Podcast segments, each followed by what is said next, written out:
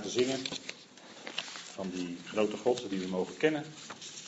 En dan willen we ook vanmorgen bij stilstaan bij dat wat gelezen is.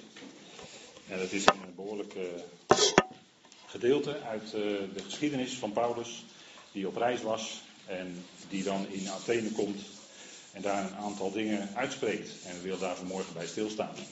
En ik wilde graag voordat we dat doen eerst met u bidden. Vader, dank u wel dat we ook op dit moment ons bewust zijn dat de woorden die u gesproken heeft, Vader, heel bijzonder zijn. Vader, geeft u dan het vermogen om iets daarvan te kunnen overdragen. Dank u wel, Vader, dat u ons kent en ziet en lief hebt. Dank u wel dat u die grote God bent, die liefde is en naar de mensen toe is gekomen. Dank u wel dat uw apostel daarvan getuigde en dank u wel dat wij die woorden mogen naspreken. Vader, geef dat het in ons hart mag uitwerken. Vader, dat we iets van uw heerlijkheid en grootheid zien. Dank u wel, Vader, dat u ons wilt gebruiken tot opbouw van ons geloof. En mag het bovenal zijn, Heer, dat wat gesproken wordt tot lof en eer van uw naam. Vader, dat het in ons leven die uitwerking heeft die tot eer van u is. Dank u wel, Vader, dat we zo ook vanmorgen verlangend zijn om iets van u te horen. Geef ons daartoe een horend hart. Vader, daar dank u voor in de machtige naam van uw geliefde zoon. Amen. Paulus op reis, handelingen 17. Daar zijn we, dat is dit gedeelte wat uh, daarnet gelezen is. En in feite komt Paulus daar op een uh, plek waar heel veel nagedacht wordt. En dat blijkt ook uit het stukje. Wat, hij ontmoet daar mensen die bezig zijn met wijsheid, nadenken, filosofie. En Paulus komt daar en als hij in Athene is, dan wacht hij op anderen die daar nog niet zijn.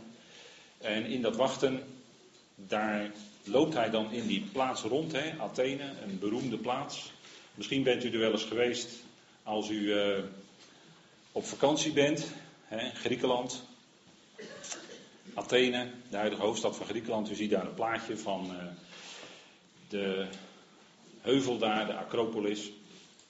En Athene is vernoemd naar Athene, de godin van de wijsheid en de wetenschap en de oorlog.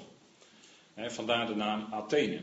En Paulus ontmoette daar dan ook mensen die diep hadden nagedacht over het leven. En nagedacht over de vragen van uh, ja, u kent die vragen wel. Wat moet ik hier? Wat doe ik hier eigenlijk? En waar, waar gaat het naartoe? Hoe moet ik leven? Dat is ook zo'n vraag. Hè? Als ik hier leef, ik ben hier, hoe moet ik dan leven? Daar dachten die filosofen over na. En Paulus die ontmoette ze daar ook. Hè? Athene, een plaats waar veel wetenschap. Hè? En nog steeds is het zo dat uh, in, in instellingen, hè, als je op het gymnasium komt, dan kun je nog uh, Grieks en Latijn studeren, leren. En dat is nog steeds afkomstig uit die Griekse cultuur. Hè. Die Griekse cultuur was in die tijd snel verspreid over de toenmalige wereld. Door de veroveringen van Alexander de Grote. En daarom was dat, uh, ja, was dat wereld, in die toenmalige wereld was dat heel bekend. Hè. Die filosofen waren daar al honderden jaren aan het nadenken over al die vragen. Hè. U kent misschien wel Plato, de naam, hè, en Aristoteles. Nou, we ontmoeten hier nog wat andere filosofen. En Paulus die mag dan het woord krijgen en die mag dan iets zeggen. En dat is heel bijzonder. En daar willen we vanmorgen over nadenken. Paulus wachtte en hij zag daar, hij keek om zich heen. Hij had daar door die stad gelopen en hij had heel veel afgodsbeelden te zien, gezien. En dat was ook in die plaats Athene heel, heel erg uh, aan de hand. Hè? Daar stonden heel veel afgodsbeelden. En toen raakte hij in zijn geest geprikkeld. En dat is hetzelfde woord wat bijvoorbeeld in 1 Corinthië 13 wordt gebruikt. De liefde wordt niet geprikkeld, maar dat is dan op een negatieve manier. Geprikkeld tot boosheid. als dat, de liefde laat dat niet toe in feite. Laat dat niet uh, overheersen zodat er reactie komt. Maar Paulus werd in zijn geest geprikkeld. In de goede zin, want hij kende die grote God waar hij even later van zou getuigen. En hij zag allemaal afgodsbeelden. Mensen werden allemaal afgeleid van die grote God die hij mocht kennen. En dat prikkelde hem. Dat prikkelde hem in zijn geest. En misschien heeft u dat ook wel. Dat je, dat je ziet in, in de wereld waarin we leven dat mensen met allerlei dingen bezig zijn. Mensen allerlei dingen belangrijker vinden in hun leven dan God. En daar kun je ook zo wel eens door geprikkeld raken. En dan besef je uiteindelijk dat God, en die grote God, dat het niet buiten hem omgaat. En dat, dat is wat, wat Paulus naar voren brengt. Hè? Die grootheid van God. Nou, hij ging in de synagoge. Dat was hij gewend. Hè? Als je handelingen leest, dan ging hij altijd eerst, als hij ergens kwam, in gesprek met de Joden. En met hen die godvrezend waren. Hè? De proselieten, die waren genaderd tot het Jodendom. Dat waren geen echte Joden van geboorte. Dat waren mensen uit de heidenen, om het zo maar te zeggen, de andere volkeren. Die waren genaderd tot het Jodendom. En die waren godvrezend. Zo ook, denk aan Petrus, die kwam bij Cornelius, handelingen 10. Cornelius was een vereerder van God, godvrezend. En uh, hoewel hij een heide was, was hij genaderd tot het Jodendom. En uh, kende hij al iets van die God van Israël. En zo ging Paulus ook naar de, de dit is dan de Beit Shalom synagoge in Athene. Ziet u een plaatje van. Maar hij ging met hen in gesprek. En u weet hoe dat gaat. Bij Joden is het altijd een vraag wordt vaak beantwoord met een tegenvraag. Dan ontstaat er een discussie. En uh, dat is wat, wat uh, Joden vaak onderling doen. Hè? Heel veel discussiëren. Voor, ze en tegen ze bespreken. Paulus wilde hen laten zien uit de schriften. Zo was hij steeds bezig. Dat Jezus, de Jezus die hij had leren kennen op weg naar Damascus. Dat die Jezus de Messias is. De Christus is. Degene die beloofd was in de schriften. En daar probeerde hij hen door te overtuigen. En hij kende als geen ander zijn schriften, de Tenach. Opgevoed aan de voeten van Gamaliel, had enorme kennis. En als we dit stukje vervolgen, dan lezen we ook dat hij kennis had van de dichters, de, degene die in die tijd nadachten. Hij kende dat. Hij was daarin, uh, hij was enorm belezen. Maar vooral wat hij gestudeerd in de Tenach.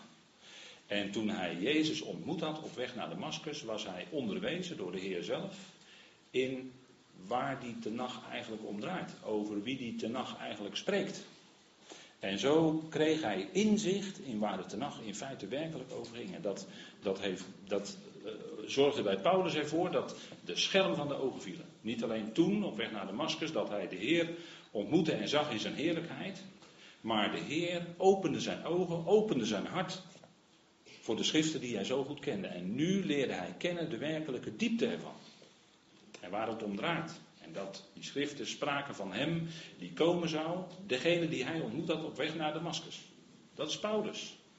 En hij was dus in gesprek met de Joden, probeerde hen steeds te overtuigen dat Jezus hun Messias is. En we zien ook regelmatig dat hij om die reden de synagoge uitgeworpen wordt en dat de Joden hem achterna zitten om hem zelfs te kunnen doden. Dat gebeurde hier overigens in Athene niet. In Athene lezen we daar helemaal niets over. Hij ging gewoon in de shul, hij sprak met ze en hij ging er weer uit, hij ging de markt op en hij ziet dan al die afgodsbeelden. En dan gebeurt het dat hij daar rondloopt en met de mensen spreekt en dan komen er enige epicurische en stoïsche wijsgeren en raakten met hem in een twistgesprek. Nou, moet ik toch even toelichten voor u. Epicurus, dat was een filosoof en heel kort gezegd, hij zocht, hij dacht na over het leven. En hij zocht naar regels om te kunnen leven. En hij zag dat ja, het leven draait er eigenlijk om dat je, dat je geniet. Maar wel met mate. Maar hij was toch een hedonist. Hè? Het ging om genieten met mate. Hij zag ook de waarde in van vriendschap. Maar hij zocht het niet in goedheid en waarheid. Hij was niet echt op zoek naar de waarheid. Hij zocht wel van, ik ben hier en hoe kan ik leven?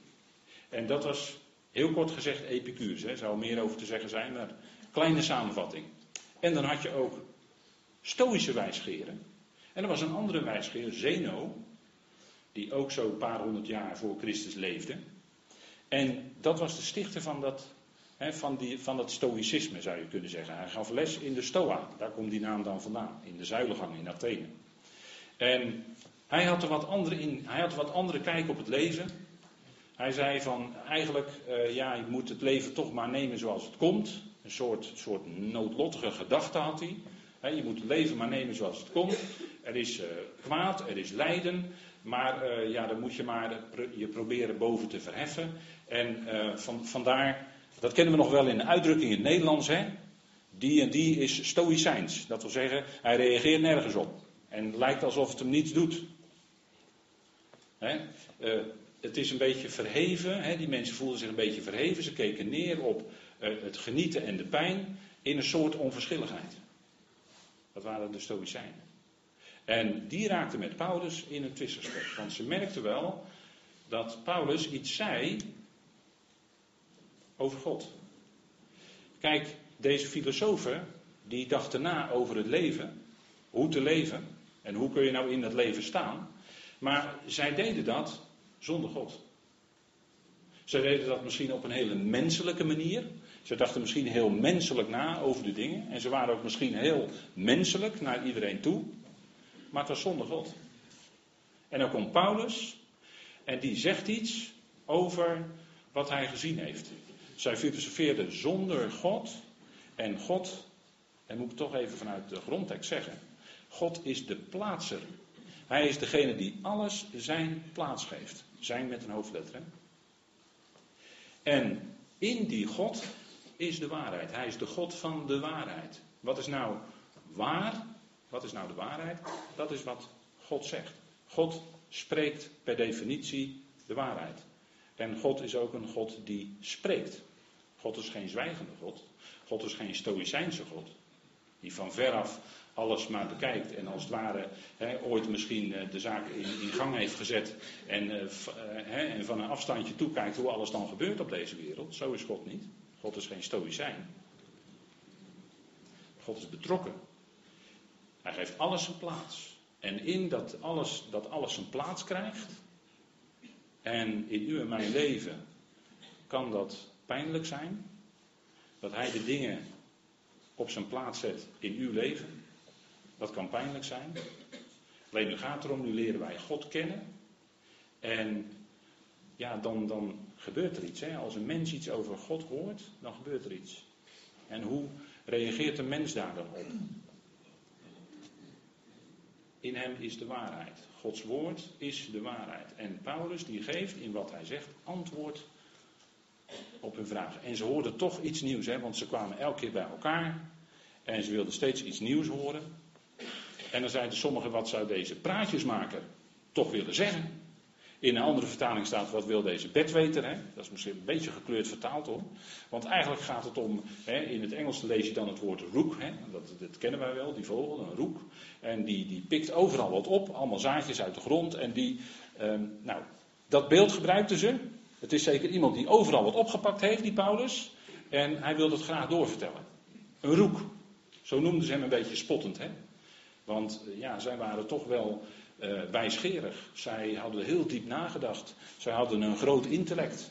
en zo keken ze ook een beetje op Paulus, een klein beetje op Paulus neer. Het is een beetje neerbuigend dat ze dit woord gebruiken. En wat zou hij dan toch wel te vertellen? Nou, vooruit, laten we hem een kans geven. Maar anderen zeiden, hij schijnt een aankondiger te zijn van vreemde goden. Want hij verkondigde hun Jezus en de opstanding. Kijk, Paulus had wel iets te zeggen. Hij had iets te zeggen over de Heer die hij had leren kennen op weg naar Damascus. En vreemde goden, dat staat eigenlijk in de tekst vreemde demonen. En in de toenmalige wereld waren demonen voor de Grieken helemaal niet onbekend. Daar waren ze heel vertrouwd mee. En ze zagen demonen ook als goden. En het merkwaardige is dat in deze tijd mensen ook steeds meer vertrouwd raken met demonen. En steeds vaker weten wat demonen zijn. En die kennis is niet echt koosje, laat ik maar op zijn Joods dan eens zeggen. Is niet echt koosje, als je daar nou veel van demonen weet. Want dan begeven je, heb je toch begeven in, of ben je bezig met misschien een stukje duisternis. Maar zij zeiden, ah, ze verkondigen van vreemde demonen. En zij zagen demonen ook als scholen. Wat verkondigde hij? Hij evangeliseerde, staat er eigenlijk. Hij bracht goed nieuws. Hij verkondigde de Jezus, want er waren in die tijd veel meer die Jezus heten. En sommige demonen lieten, ze, laten, laten zich ook zo noemen. Maar hij verkondigde de Jezus van de schriften en de opstanding. Het feit dat hij is opgewekt uit de dood, dat hij is opgestaan. Ja, maar dan heb je goed nieuws natuurlijk. Dan heb je echt iets goeds te zeggen. Dat verkondigde hij. En daarom, ze dachten, hé, hey, is toch anders dan wat we allemaal gehoord hebben. Laten we toch hem een kans geven. En ze namen hem mee en toen komt hij op de Areopagus, hè, dat is de heuvel van Mars. Hè, dat verwijst naar de god van de oorlog, hè, de god van de strijd. Mars Hill, hè, zo noemen ze hem in het Engels. De heuvel van Mars, dat is een verhoogde plek. U ziet daar een plaatje van. In Athene is het nog steeds, kunt u bezoeken als u daar bent. En uh, u kunt daar, en daar werd dan ook onder andere recht gesproken. Want die heuvel werd de heuvel van Mars genoemd, omdat ooit de god Mars daar uh, een, een, rechtszaak was geweest over de god Mars. Althans, dat was het verhaal. Hè? En vandaar dat hij zo genoemd werd. En vandaar dat in de tijd van Paulus daar nog steeds recht gesproken werd. Dat is dus een belangrijke plek. En ze zeiden, mogen we weten wat voor nieuwe leer jij brengt? Want ja, die mensen die besteden hun tijd, en, en dat denk ik wel eens, het lijkt onze tijd toch wel. Hè? Het lijkt er wel op dat die mensen eigenlijk, die tijd waren ze zo, hè? ze wilden elke keer maar wat nieuws horen. En, en uh, de volgende dag is dat wat je die dag gehoord hebt, hè, wat je vandaag hoort. Als, als, het, als het morgen is, dan is, ja, vandaag is alweer oud nieuws. Dan wordt morgen is dat al, denk maar aan de krant. Als je elke dag de krant leest, ja, de volgende dag uh, ligt die bij uh, het oud papier. En, en, zo waren, en zo zijn de mensen, waren de mensen toen. Ze kwamen bij elkaar, ze praten over een heleboel dingen, allerlei nieuwtjes. Misschien allerlei nieuwe gedachten, nieuwe leringen. En zoals vandaag ook, je hebt mensen die willen altijd iets nieuws horen. He, niet, niet, alleen als je mensen zo op de markt op straat tegenkomt, maar ook uh, als het gaat om geloof, willen ook mensen vaak steeds iets nieuws horen. En, en dan is het steeds, ja, weer iets nieuws gehoord. En, en misschien zeggen ze dan, ja, ja, interessant, ja, interessant. Maar, maar ga verder. Zo, hè. En, en uh, zij wilden dus steeds wat nieuws horen. En nu is het punt dat Paulus hen iets te zeggen had, wat er heel bijzonder was. Je wil steeds iets nieuws horen, maar dan kun je je afvragen, ja, maar gaat het dan ook om geloof? Geloof. Want kijk, die filosofen, die twijfelden misschien aan alles. En het is ook heel modern hè, tegenwoordig. Het is helemaal niet modern hoor, maar wordt dan gezegd, het is heel modern om te twijfelen. He, wordt onder, onder christelijke mensen wordt het ook wel gezegd. Hè, van ja, je hebt toch recht op je twijfels. Maar volgens de schrift is twijfel een uiting van ongeloof. He, dat staat in Romeinen 4 over Abraham. Die heeft niet getwijfeld in ongeloof, staat er dan. Twijfel heeft te maken met ongeloof. En niet alleen in Romeinen 4 staat het, maar er zijn nog meer tekstplaatsen te noemen waarin dat aan elkaar wordt gekoppeld. Hè? Zou het nou wel zo zijn? Ja, van, van, van, ja dat, dat wordt nou wel gezegd, maar. En dan zit er eigenlijk al in dat maar zit al, ik zie het heel anders. En het kan een uiting zijn van twijfel. Maar als het gaat om geloof, hè, bij geloof dan ben je overtuigd. Paulus was enorm overtuigd van wat hij had gezien en wat hij had gehoord. Geloof heeft te maken met een hele diepe overtuiging hebben. En dat ligt niet alleen, dat ligt niet in de eerste plaats bij ons, maar het ligt bij de Heer. De Heer Jezus Christus is de gelovige bij uitstek. Hij is de onze leidsman en voleinder van het geloof. Hij is de gelovige bij uitstek. In de vertaling poetsen ze het weg als het gaat om het geloof van Jezus Christus, maar het staat er wel. Dat kun je niet wegpoetsen, het staat er. Net zoals er gesproken wordt over het geloof van Abraham, wordt er ook gesproken over het geloof van Jezus Christus, de gelovige bij uitstek. En bij geloof, dan is niet het vaste dat jij zo geweldig bent dat jij het zo zeker weet, maar dat je een God hebt die geweldig is, en die spreekt zijn woord en daar kun je op vertrouwen. Daar kun je op bouwen. De gelovige zal daarom nooit beschaamd worden. Werd de Heer Jezus beschaamd in zijn geloof? Nee, want vader wekte hem op op de derde dag. Werd Abraham beschaamd in zijn geloof toen hij Isaac op het hout bond? Nee, want hij geloofde in de God die de doden opwekt. En hij overwoog zelfs daarbij dat God bij machten was Isaac uit de dood op te wekken. En zo handelde Abraham. Dat was het geloof van Abraham. En zo is het geloof van Jezus Christus. Onze redding. En, en daar was Paulus enorm diep van overtuigd. En dan komt hij daar op die markt in Athene en dan ziet hij en dan hoort hij al die mensen die elke keer maar weer wat nieuws wilden horen. En hij kende zijn Heer. En daar getuigde hij van. Geloof, hè, daar, dat, dat is het punt en dat eindigt het stukje ook mee, dat er sommigen geloofden. En zo gaat het steeds. Hè. Als het woord gesproken wordt, is zijn het altijd een enkeling. En dan vraag je verbaasd af, Heer, waarom heeft u mij, mij uitgekozen? Ongelooflijk, eigenlijk. Hè. Nou, ongelooflijk. Ja, nu ben je gelovig, dus dan speelt ongeloof hoop ik niet meer zo'n rol. Maar Paulus zegt dan tegen hem, hij gaat spreken, mannen, Atheners, luister. Hij staat op de markt. En ik weet niet of ze toen al een zeepkist hadden. Dat hadden ze wel in, in het Engels eh, in Londen, in het Hyde Park. Daar kon iedereen ook wat zeggen. Nou, zo ging dat in Athene ook. Ik zie dat jullie in alle opzichten zeer godsdienstig zijn. Zeer religieus zijn. En het woord wat gebruikt wordt hier is dat ze veel, veel angst hebben voor demonen. Hebben die demonen weer. Hè? Daar hadden ze angst voor. En daar deden ze, daarvoor deden ze om die angst steeds maar weg te nemen, deden ze misschien wel allerlei rituelen, hè, deden ze allerlei dingen. Hadden ze misschien wel een altaartje in huis waar ze voedsel op deden. Hè, om die God, om die demon maar tevreden te stellen, dat soort dingen. Hè, ze waren buitengewoon religieus. Vandaar al die afgodsbeelden. Iemand schrijft dat er misschien wel 3000 stonden in Athene in die tijd. En Paulus zegt dan: Ik zie dat. Jullie zijn buitengewoon religieus. Ze zijn bezig met religie. En daar is de mens gevoelig voor, hè? Religieus bezig zijn. Goede dingen willen doen. Om misschien wel God een handje te willen helpen. Maar religie, daar gaat het eigenlijk niet om, hè? En Paulus die zegt van ja, ik, ik liep door jullie stad en ik zag een altaar of een uh, voetstuk eigenlijk, een voetstuk. En dat was gewijd aan de onbekende God. Aan de onbekende God. En onbekend, dat we zeggen agnost. En mensen die zeggen dat ook wel, hè. Ja, ik ben agnost. En wat bedoelen ze dan? Dan zeggen ze, ja, ik, ik denk dat ik God niet kan kennen. Of dat ik God niet kan leren kennen. Die heb je, die mensen. En je hebt ook atheïsten, hè, die zeggen er is helemaal geen God. Er bestaat geen God in hun ogen. En Paulus die zegt dan, ik heb dat voetstuk gezien aan een onbekende God. En dit is zo'n voetstuk wat dan in Rome is gevonden, niet in Athene. Maar was ook gewijd, dit voetstuk was ook gewijd aan de onbekende God. En dan zegt Paulus iets geweldigs. Want die onbekende God, die voor die Atheners onbekend was, deze dan, die jullie dienen zonder dat jullie hem kennen, verkondig ik jullie. Paulus getuigde van die God die hij had leren kennen. En dat is bijzonder, hè?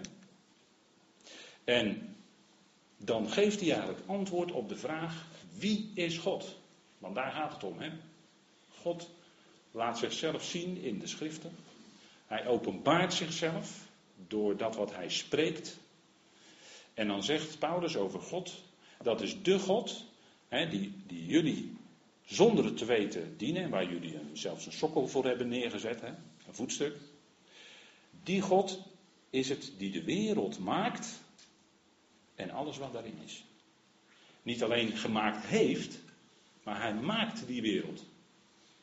En dat wil dus zeggen, de, de wereld zoals we die nu zien, de wereld zoals Paulus, waarin Paulus toen rondliep, die wordt door God gemaakt. Hij gebruikt daarin uh, die vorm waarin, waaraan geen tijd verbonden is. De God die de wereld maakt. En wereld is een bepaalde ordening, een bepaald systeem. Wat dan geldt. En dat geldt in onze dagen nog steeds. Hè. We leven nog steeds in de tijd van het, waarin het bestuur, hè, de dag van de mens, waarin het bestuur in de handen van de mens is gegeven. En de schrift spreekt over meer werelden. Hè. De wereld die toen was, hè, de eerste, dat is heel lang geleden, voor Genesis 1, vers 2. De wereld van de oneerbiedigen, de tijd van Noach, maar die wereld is ook vergaan. Hè, dat systeem is ook vergaan. Maar we leven nu in de dag van de mens. De God die de wereld maakt en alles wat erin is. Dat is niet alleen zo dat hij de schepper is van alles, maar dat hij ook dat hele systeem wat er nu is, heeft hij zo geordend en heeft hij in zijn hand. En het punt is dat Paulus die God verkondigt, die liefde is. God is liefde. Dat is voor veel mensen heel moeilijk om, om te rijmen met al die gebeurtenissen die zich vandaag de dag nog afspelen in deze wereld. Maar God is liefde en dat blijft altijd zo. Waarom? Omdat, kijk, die wijsgeren, die overzagen niet, die kenden God niet, die overzagen dus ook niet waar God bezig was naartoe te werken. En als je dat kent, dat, dat grote doel, dat einddoel van God, dan ga je de dingen in het juiste plaatje zien, in het juiste perspectief bekijken. Wie is God? Paulus zegt dat in, in de eerste Korinthebrief. Wij weten dat een afgod niets is in de wereld. En hij zag ze in Athene. Hè? Vele afgoden. En hij zegt, en dat er geen andere God is dan één. En dat kende hij, dat beleiden kende hij van jongs af aan. Hè? Hoor Israël, hoor, de Heere uw God is één. Er is één God. Want er zijn er ook die goden genoemd worden, het zij in de hemel, het zij op de aarde, zoals er veel goden en veel heren zijn. Paulus keek rond in zijn tijd en hij zag dat. Maar hij zegt, nochtans is voor ons maar één God. Er is maar één God, de Vader. Uit wie alle, alle dingen zijn, het al is. En wij voor Hem. En één Heer, Jezus Christus, door wie het al is. En wij door Hem. Dus God werkt zijn grote plan uit. En het is alles, het komt alles eigenlijk uit Hem voort. En Hij werkt zijn grote plan uit door zijn Zoon Jezus Christus, onze Heer. Hij zegt door wie het al is. Christus is de grote, hè, Christus Jezus is de grote uitvoerder van Gods plan. Gods plan van tijdperken, van werelden. En voor ons is het bijna niet te bevatten dat God dat alles zo in zijn hand heeft. Van het kleinste detail tot het allergrootste wat je maar kan bedenken, maar God heeft het in zijn hand. En hij leidt het zoals hij dat wil. Dat zegt Paulus hè, over, en hij zegt hier in vers 24, zegt hij iets heel bijzonders over God. Want hij is de Heer aan wie de hemelen, hè, aan wie de hemel en de aarde toebehoort. En die woont niet in tempels die met handen gemaakt zijn. En dat zei Paulus, en die stond op de Areopagus en had uitzicht op de Acropolis. Hè, dat was een grote uh, heiligdom, zeg maar, wat gewijd was aan die godin Athene. Terwijl hij daar staat, hè, terwijl ze allemaal dat konden zien, dat enorme bouwwerk daar, zegt hij over God dat hij de Heer is aan wie hemel en aarde toebehoort. We zeggen, hij is de schepper en hij is daar heel erg nauw mee verbonden. Het behoort hem toe, het is hem eigen. Hij is daar en hij woont niet in tempels die met handen gemaakt zijn. In Psalm 33, dat is een prachtige psalm. over psalmen gesproken. De sis die wezen nog even op het jaarthema, Psalm 139. Maar Psalm 33, dat is een prachtige psalm. Want daar staat, daarin staan hele bijzondere dingen over God. Daarin toont God zich als degene die alle macht in handen heeft. En daar staat in vers 6, door het woord van JW, hè, dat is ik ben, dat is ik ben, dat is een geweldige benaming van God, die altijd is, die je ook terugleest in het Bijbelboek Openbaring bijvoorbeeld. Hè. God die is, die was en die komt. En het geweldige is dat de Heer Jezus Christus, die God die komt, laat zien in het boek Openbaring. En dan zal hij blijken te zijn de koning van de koningen en de heer van de heren. Maar door het woord van JW, van ik ben, zijn de hemelen gemaakt. En dat zou ons in diepe verwondering brengen. Dat hij dat woord gesproken heeft, die woorden gesproken heeft. En als resultaat van het feit dat hij die woorden spreekt, zijn de hemelen gemaakt. Ja, dat zou je moeten vervullen met verwondering over de kracht en de heerlijkheid van het woord van God. Dat woord, hè, dat is dabar. Dat wil zeggen, het is niet alleen een woord, maar het is tegelijkertijd ook een daad. Gods woord brengt tegelijkertijd iets tot stand. En door zijn woord zijn de hemelen gemaakt. En door de geest van zijn mond al hun legermachten. Een prachtig parallelisme, hè, zo noemen we dat dan. Maar kijk, dat woord heeft alles te maken met die geest. Die geest spreekt dat woord. Dan wordt het hoorbaar. De geest van zijn mond al hun legermachten. Dus niet alleen heeft hij de hemelen gemaakt, maar ook al die hemelse machten en krachten die wij niet kunnen zien. Al hun legermachten. Dat is bijzonder, hè? Dat, dat God dat door zijn woord heeft gemaakt. Dat is de kracht van het woord. En wat is er dan bijzonder dat we, dat we iets van dat woord van God mogen leren kennen. Hè? Zoals we bezig zijn. En dat woord is dan ook kostbaar. Hè? Het was voor de Heer Jezus was het alles. Voor de Heer Jezus was Gods woord alles. En hij beleed ook in, dat, in het hoge priestelijk gebed. Uw woord is de waarheid. De passie van de Heer was het woord van God. Dat woord van God doen. Spreken wat hij de Vader hoorde spreken. Zien wat hij zag bij Vader. Hè, en doorgeven wat hij zag bij de Vader. Hij wilde maar één ding, hij wilde doen wat de wil van God is. En die heeft God bekendgemaakt in zijn woord. En daarom is de, de, de prediking van het woord van God, als het woord van God naar voren komt, dan, dan doet dat iets bij de mens. de mens kan zeggen, nee, dat wil ik niet. Ik wil me daar niet aan onderschikken. Dat wil ik niet in mijn leven. Of misschien tot een bepaald punt en dan wil je niet verder. En dan gaat God verder. En dan komt daar het punt dat God toch uiteindelijk met je tot zijn doel gaat komen. Maar dat is het punt wat, wat God dan uiteindelijk toch achteraf gezien bepaald heeft. Hè? Maar als Gods woord gesproken wordt, is het voor ons als gelovigen. Hè, eh, daarin is, eh, kunnen we navolgers van de apostel Paulus zijn, die Christus navolgde. Dat woord van God horen, geloven en dan werkt het ook iets uit in je leven, in je gedrag. Dat is wat God in je uitwerkt. Hè? Geloof, onder andere. Onder andere. Geloof is altijd vrucht van de geest. Is nooit iets wat je zomaar kan zeggen, nou, ik ben, eh, ik ben gelovig, dus ik, uh, ik hoor erbij en daarom ben ik beter dan de anderen. Wel nee. Wel nee. Het geloof wat je hebt is altijd vrucht van de geest. Is nooit iets van jezelf. En daar kun je God voor danken. Dat je zicht hebt gekregen, dat God je licht heeft verschaft in je, in je hart, in je leven. En, en wat hier ook over de schepping gezegd wordt, hè, bijvoorbeeld in Psalm 104, ook een prachtige psalm.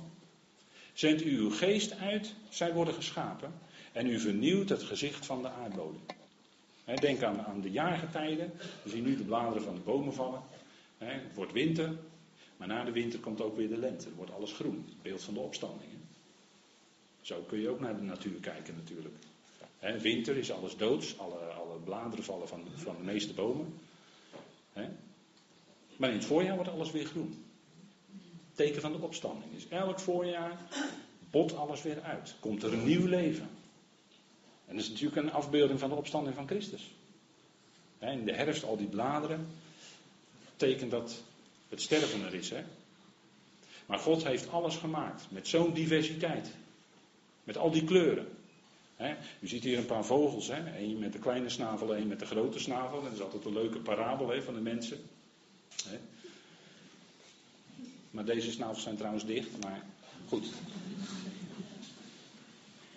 Hij, Paulus zegt over hij, die Heer. Die woont niet in tempels die met handen gemaakt zijn. Hij liet wel opdracht geven om een tabernakel te vervaardigen. En hij toonde eerst aan Mozes iets bijzonders op die berg. Mozes heeft bijzondere dingen gezien. En die tabernakel is een weerslag van het hemelse. Wat niet van deze schepping is, zegt de Hebreeën schrijver. Maar God woont niet in tempels of een tabernakel die met handen gemaakt is. Ja, daar was de Shekinah wel, die, die wolkolom. Dat wel. Maar daartoe is hij niet beperkt. God sprak vanaf het ark, hè. God sprak vanaf het verzoendeksel. Daar kon de hoge priester één keer per jaar komen met bloed. En daar sprak God. Maar God is niet beperkt tot een simpele tabernakel of een tempel. Excuses voor het woord simpel. Maar hij is veel groter. En dat beleed koning Salomo ook. Hè? Die, die wist dat. Hè? Die grote koning Salomo. David mocht geen huis bouwen, had bloed aan zijn handen. Salomo wel. David mocht wel alle plannen maken. Hij had het in zijn hart gekregen van God. Maar Salomo bouwde die geweldige tempel. U ziet daar links een uh, maquette van. Hoe die tempel eruit gezien zou kunnen hebben. En dan zegt Salomo bij, bij die inwijding van de tempel, maar zou God werkelijk op de aarde wonen? Zie de hemelen, ja de hemelen van de hemelen, kunnen u niet bevatten, hoeveel te min dat huis dat ik gebouwd heb. En daar verwijst Paulus naar. Die kende natuurlijk dit uit Koningen, wat Salomo zei. die God is niet beperkt tot één heiligdom, tot een plaats waar wat met handen gemaakt is. Want ten diepste heeft God niet eens het werk van onze handen nodig. Hij heeft het niet eens nodig.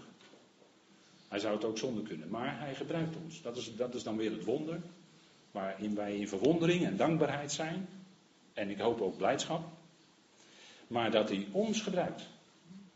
Maar het is niet zo dat hij ons nodig heeft, dat wij iets aan hem kunnen toevoegen. Nee, hij gebruikt ons in zijn plan en zet ons in. En zo kunnen we hem dienen.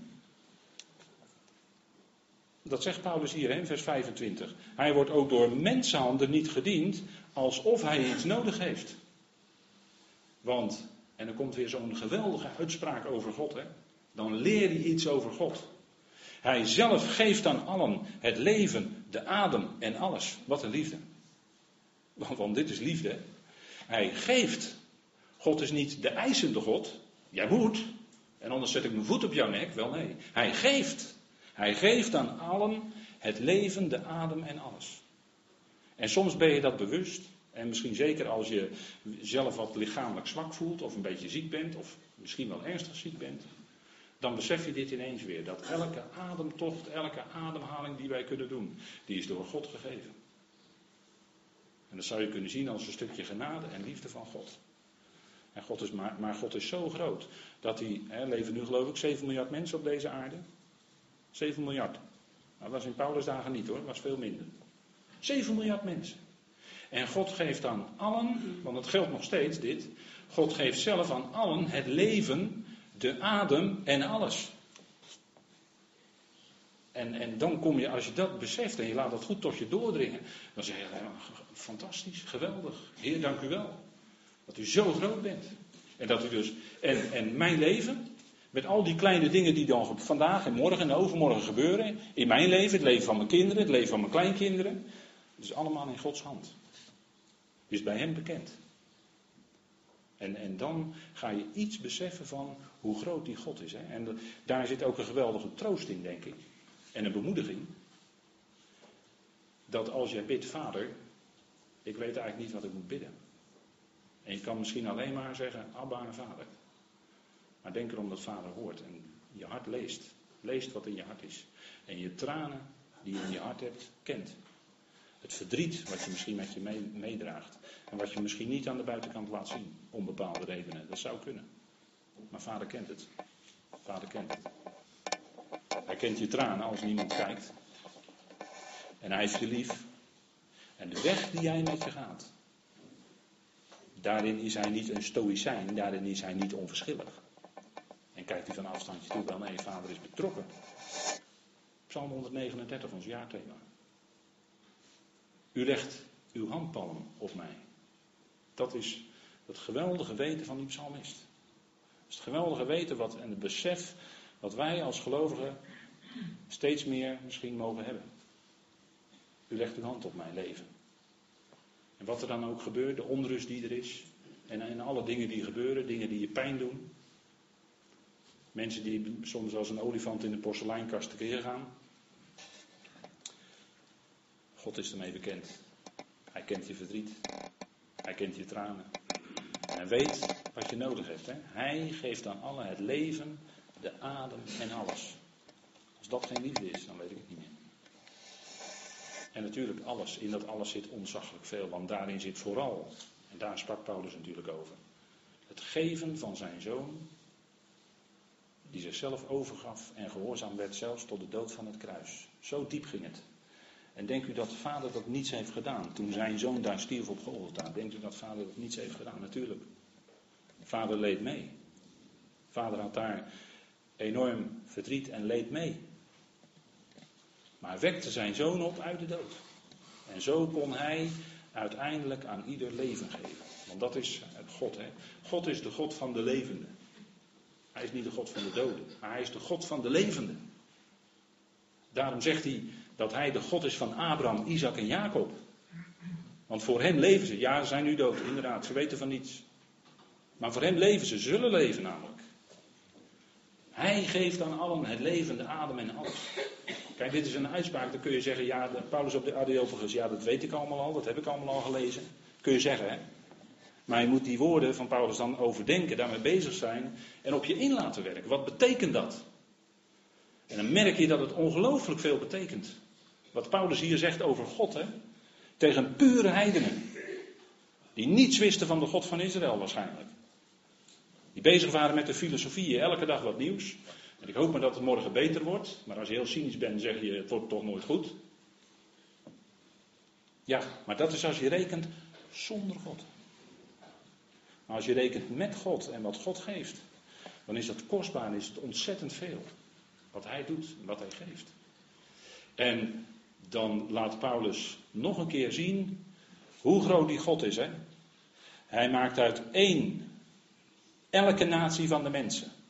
Om, het oppervlak van de, om op het oppervlak van de aarde te wonen, terwijl hij de bepaalde tijden en de grenzen van hun woonplaats heeft vastgesteld. Alsjeblieft. Alsjeblieft. Dus zowel in ruimte als in tijd is God degene die alles beheerst. Hij heeft dat alles bepaald. En dat op een gegeven moment de spraakverwarring moest komen, ja, dat moest. Want de mensen zeiden: laat ons een toren bouwen van tichelstenen. En toen zei God: laat ons neerdalen. En hij verwarde de spraak en het werd verdeeld in 70 volkeren. Lees die maar na in, in, eh, in eh, Genesis 10 en 11. Babel. Toen actueel en vandaag actueel. Babel. Maar God bepaalt het alles. Hè? Zowel plaats als tijd als gebeurtenissen. En niet alleen in het grote wereldgebeuren, maar ook in uw, jouw en mijn persoonlijke leven. Is Hij het die de plaatsen en de tijden vaststelt. En we hadden een voorgesprekje met iemand. En toen zei ik zo van, nou, als je mij in mijn tien jaren had verteld dat je nu hier zou staan, dan zou ik je voor stapelgek hebben verklaard. Maar dan ziet u dat God in een leven kan werken. En dat het soms een, een bijzondere uitwerking heeft. Ik denk dat u dat allemaal voor uzelf kan zeggen. Het heeft een bijzondere uitwerking.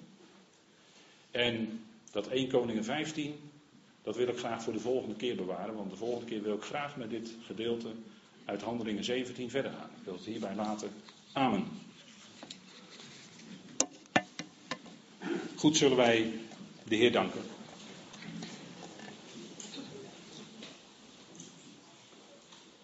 Vader, wij danken u dat we een moment stil konden staan bij deze bijzondere uitspraken van u, Heer, door Paulus heen. Dank u wel dat u uzelf door deze slaaf van u bekend maakt. Vader, het gaat niet ten diepste om die apostel, maar het gaat om de woorden die hij kreeg te spreken van u. Die zijn van belang.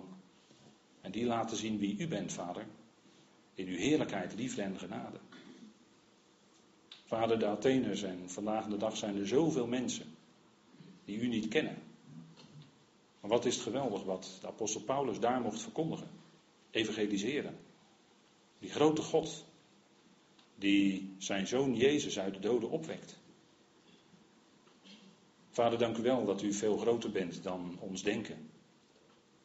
Dan ons vermoeden. Vader, dank u wel dat u veel groter bent dan een plaats in een tempel. Nee, vader, het hele universum is uw woonplaats. U bent veel groter dan wij kunnen beseffen. U doordringt het hele universum, vader, door uw geest.